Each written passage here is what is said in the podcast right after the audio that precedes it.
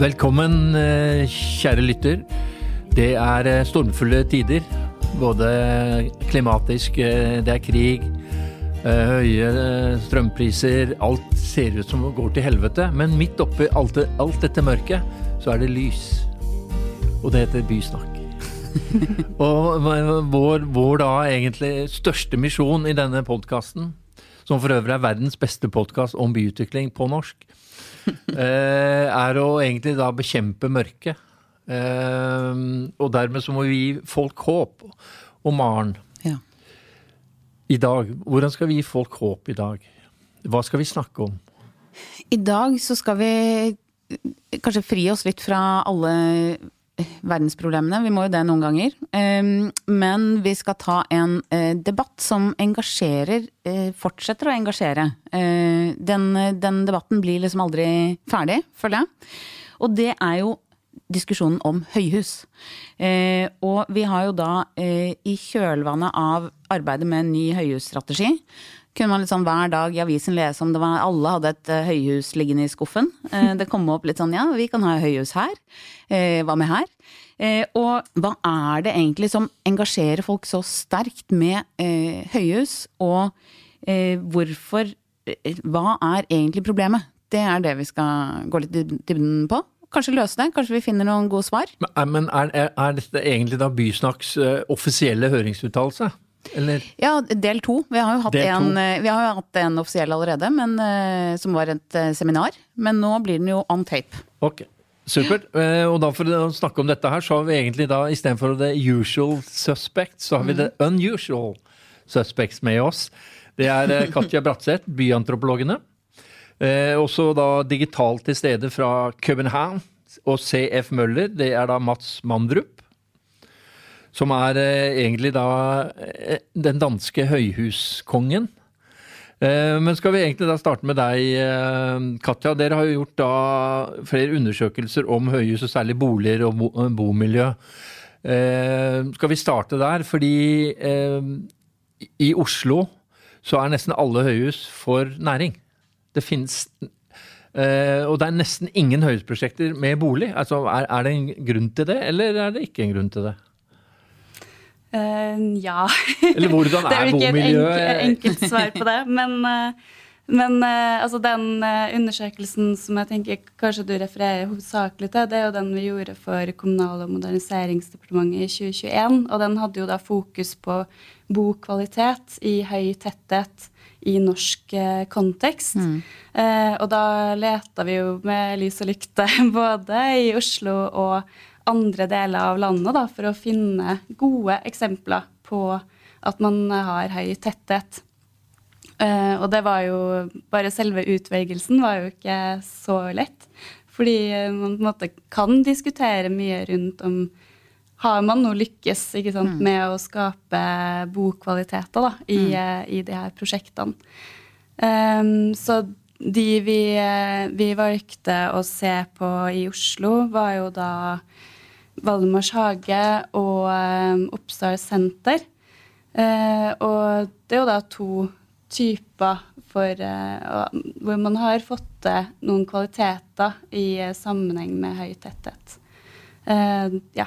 Det ble jo diskutert mye hvilken versjon av mm. Valdemars hage. Ja. Det var jo da den første. Eh, Byggetrinn 1. Ja. Byggetrinn 1. Uh, og det vi så uh, der, et, det var jo sånn OK, hva har man faktisk gjort da, for å få til de her bokvalitetene. Eh, og da så vi jo at eh, det som gikk igjen eh, også ellers i landet, var jo at man hadde brukt tid og jobba i et samspill for å sikre de her kvalitetene. Faktisk hadde tatt seg tid til det. Hadde jobba med medvirkning, hadde jobba med å sikre solforhold, grønt. Altså måtte da Ja eh, tatt seg både råd da, og, mm. Eh, og, tid til å, å, jobbe med alle de aspektene som må til, både på det sosiale og fysiske. Så du kan egentlig ha gode bomiljøer eh, også der det er høyt og tett? Ja. Men det, det er mer krevende? Det Er det en sånn forsiktig konklusjon? ja, hvis man skal si det litt enkelt, så tenker jeg at man kan, kan Men jeg si tenker det. at alt stort i livet er vanskelig. Så, Ja. så det, Sånn er det. Ja. Vi liker ting som er komplekst og vanskelig. Ja. Men også deg, Mats Mandrup. Dere har, CF Møller har jo tegnet en, eh, en rekke høyhus. Skal vi bare holde oss til eh, Har dere også tegnet uh, høyhus hvor det er en stor boligandel? Ja, det har vi. Øh, Vi har tegnet blandt andet i Belgien, hvor der jo i hele Benelux-regionen, kan man sige, der har man jo ikke længere det, altså de antal kvadratmeter land, så der fortætter man jo. Man er tvunget til, så at sige, at bygge i højden.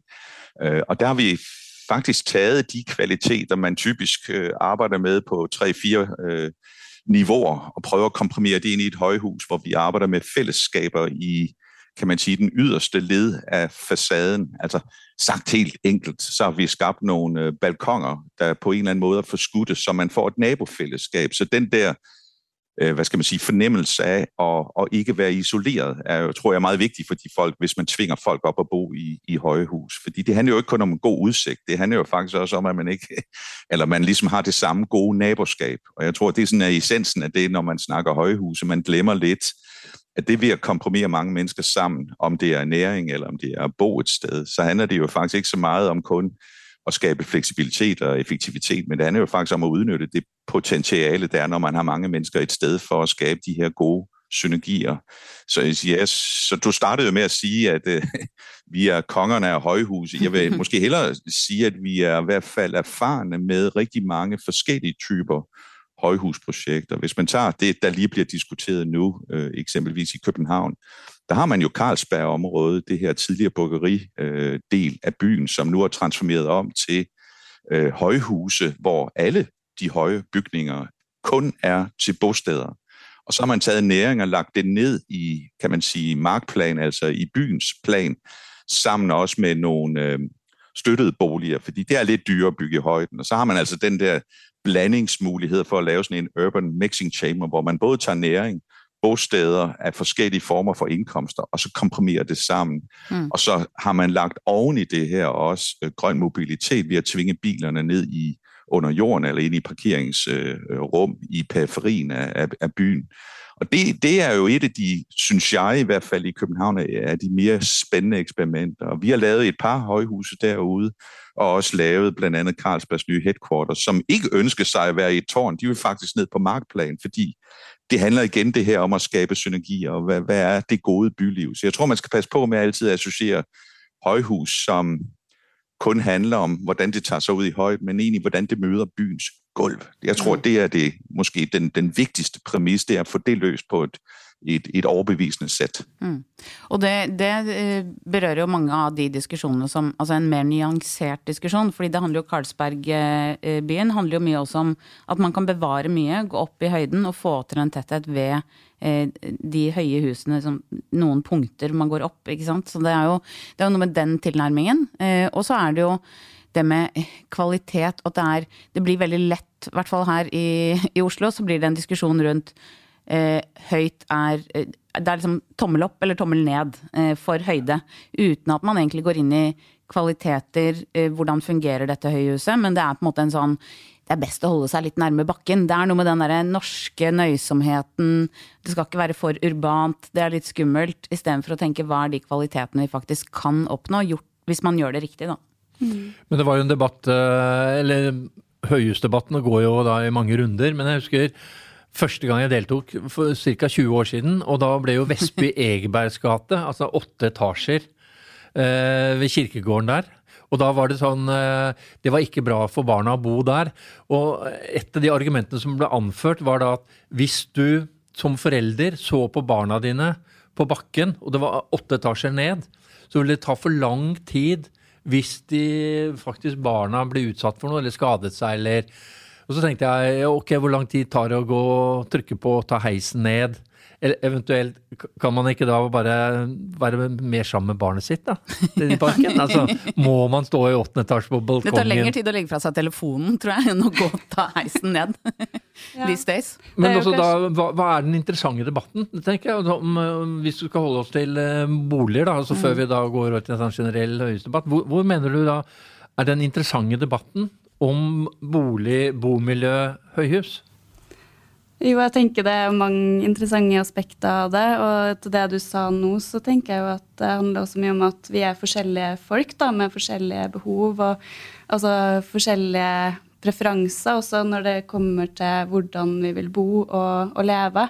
Og altså eh, boligtypologi og eh, de eh, fysiske rammene da, som legges der, det innvirker jo også på hvordan vi sosialt lever vårt liv.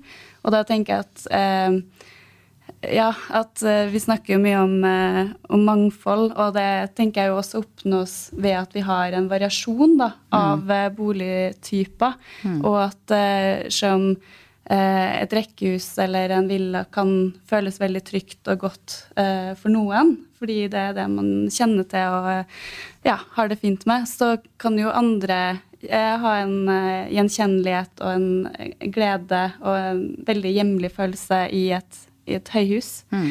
Um, og jeg tenker at den, altså Det å bo i en enebolig, altså, det følger av ordet, altså så utrolig ensomt for mange, da. Eh, ikke sant? Og for andre den, ikke. Det, ikke sant? Og det er jo det. At det er, ja. eh, den, men det er jo noe med den eh, altså, den norske mentaliteten, eller skandinaviske mentaliteten, at ja, drømmen, den ultimate drømmen er å ha en enebolig med en stor hage. Altså Jeg kan ikke tenke meg personlig noe verre, men uh, det er bare meg, da. ikke sant? ja, jo... men jeg tror det er det da, som er viktig i den debatten, at man ikke blir så kategorisk. At uh, uh, den ene boligtypen er den riktige mm. og mm. den sanne, gode boligen, og den andre ikke. Da. Fordi mm. det er jo nettopp det at vi er forskjellige og har forskjellige behov, og mm. det bør jo også bolig, boligene gjenspeile, da, og mm. byutviklinga vår. Og så tenker jeg også det er viktig for min del da, som antropolog og opptatt av det sosiale, å påpeke at de kvalitetene i, i bokvalitet ikke kun handler om det materielle og det fysiske. Altså sånn, jeg er jo veldig glad for at arkitekter og andre fysiske planleggere har fokus på det, og det vil jo spille mye inn på det sosiale. Men også de prosessene er så mm. sykt viktige, da. At vi husker på at eh, det at vi har det gode samspillet når vi skal utvikle de her eh, eh, boligene som har høy tetthet, er kjempeviktig for å oppnå bokvalitetene. Eh, men også det samspillet med nabolaget rundt. Altså sånn, du kan bo i en ganske høy og, og deilig eh, boligblokk eh, som er tilpassa dine behov, og at du kan ha det fint med akkurat de som bor der.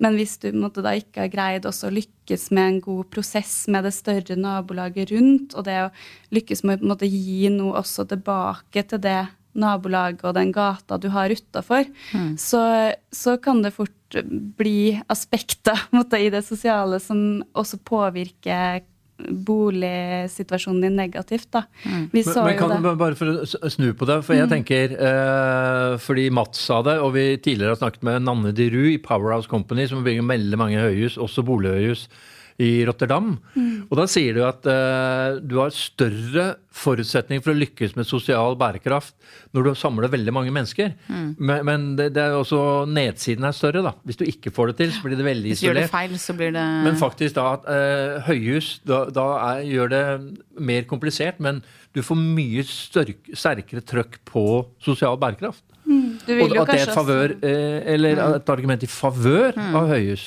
Du vil jo kanskje også ha større økonomi da, til å investere i fellesskapet mm. og nabolaget. Mm. Og det er, jo, altså det er, jo, fakta, det har vi jo sett på i noen eh, undersøkelser også. Det å eh, se på liksom, byøkonomien eh, ved å fortette og få til, om det er et høyhus eller andre måter å fortette på.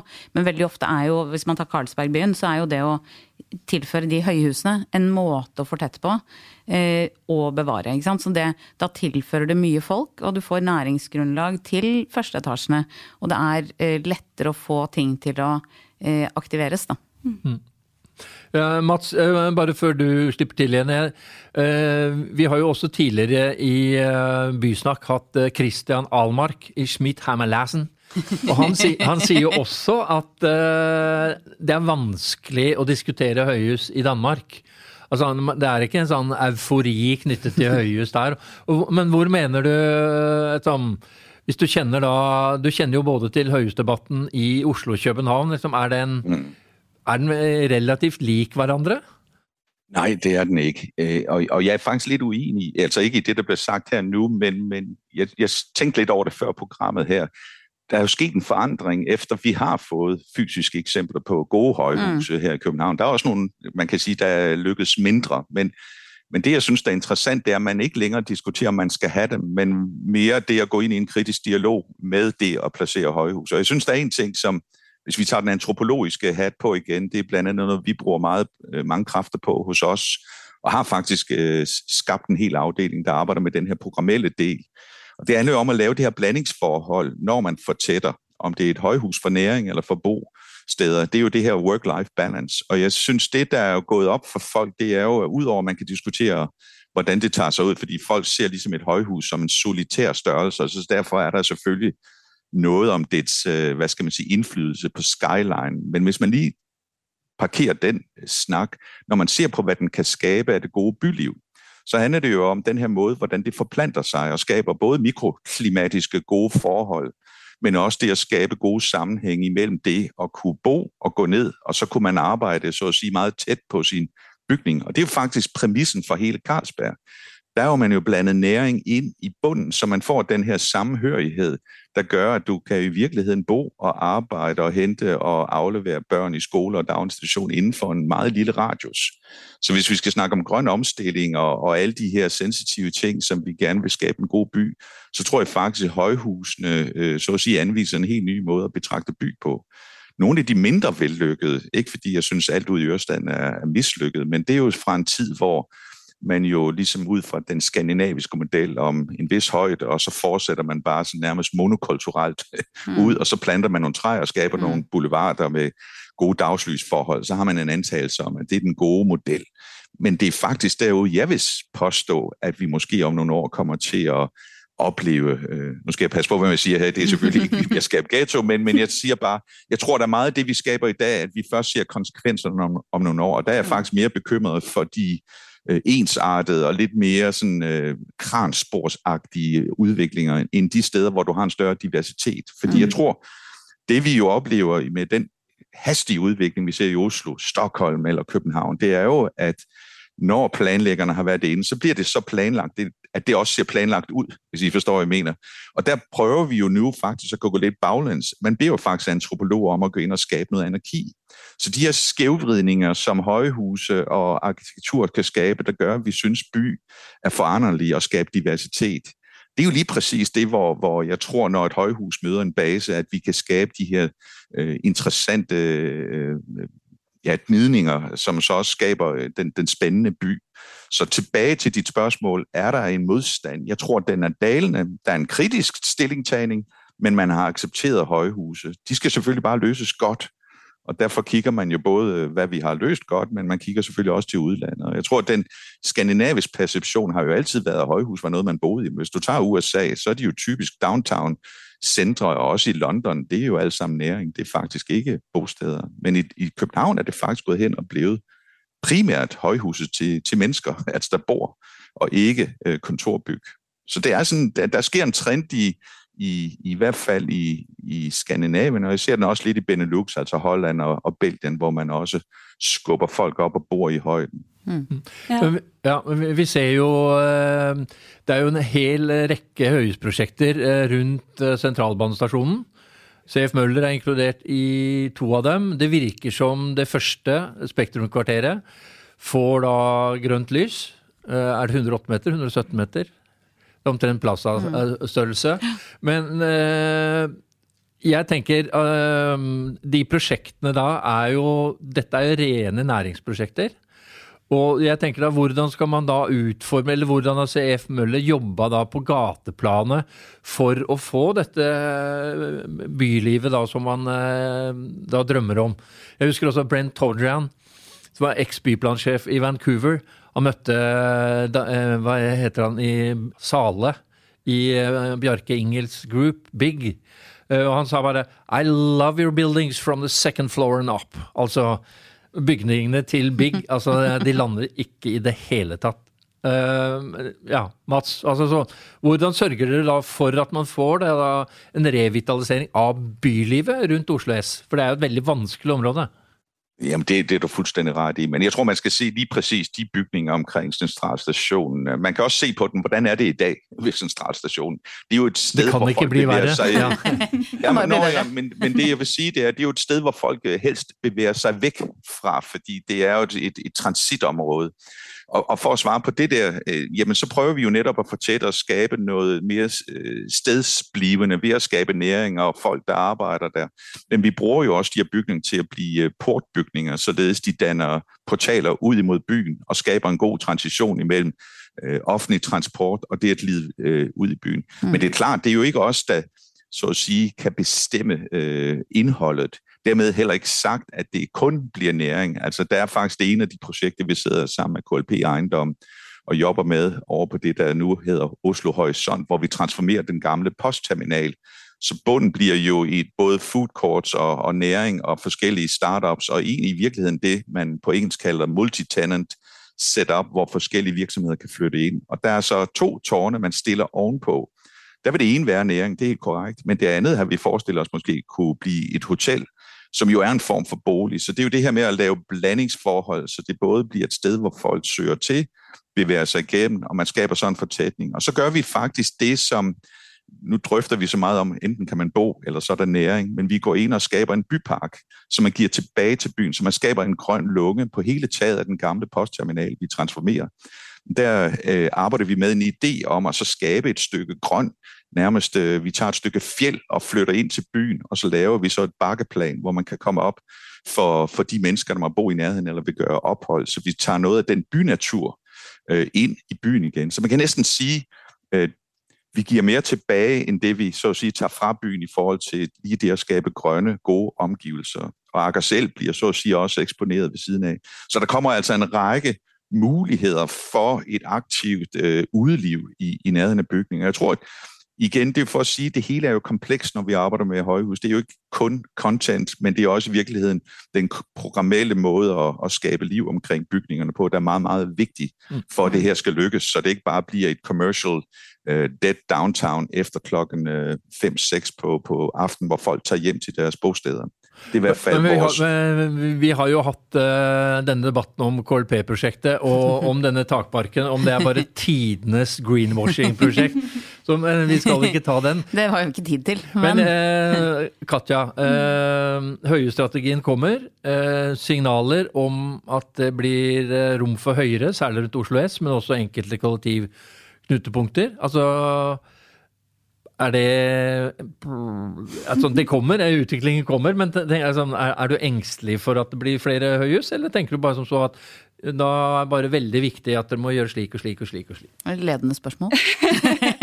Ja, jeg tenker jo at Det er helt er, er kvalitetene eh, som man bør eh, Eller vi bør bedømme ut ifra, da, mer enn uh, eksakt eh, høyde.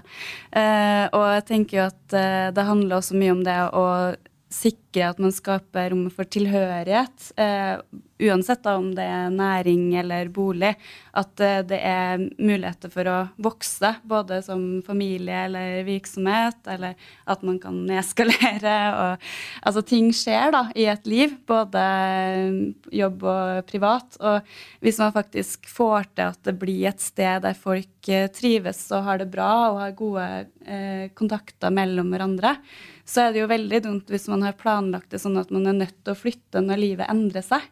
Så det tenker jeg er kjempeviktig, da, at man mm. får til.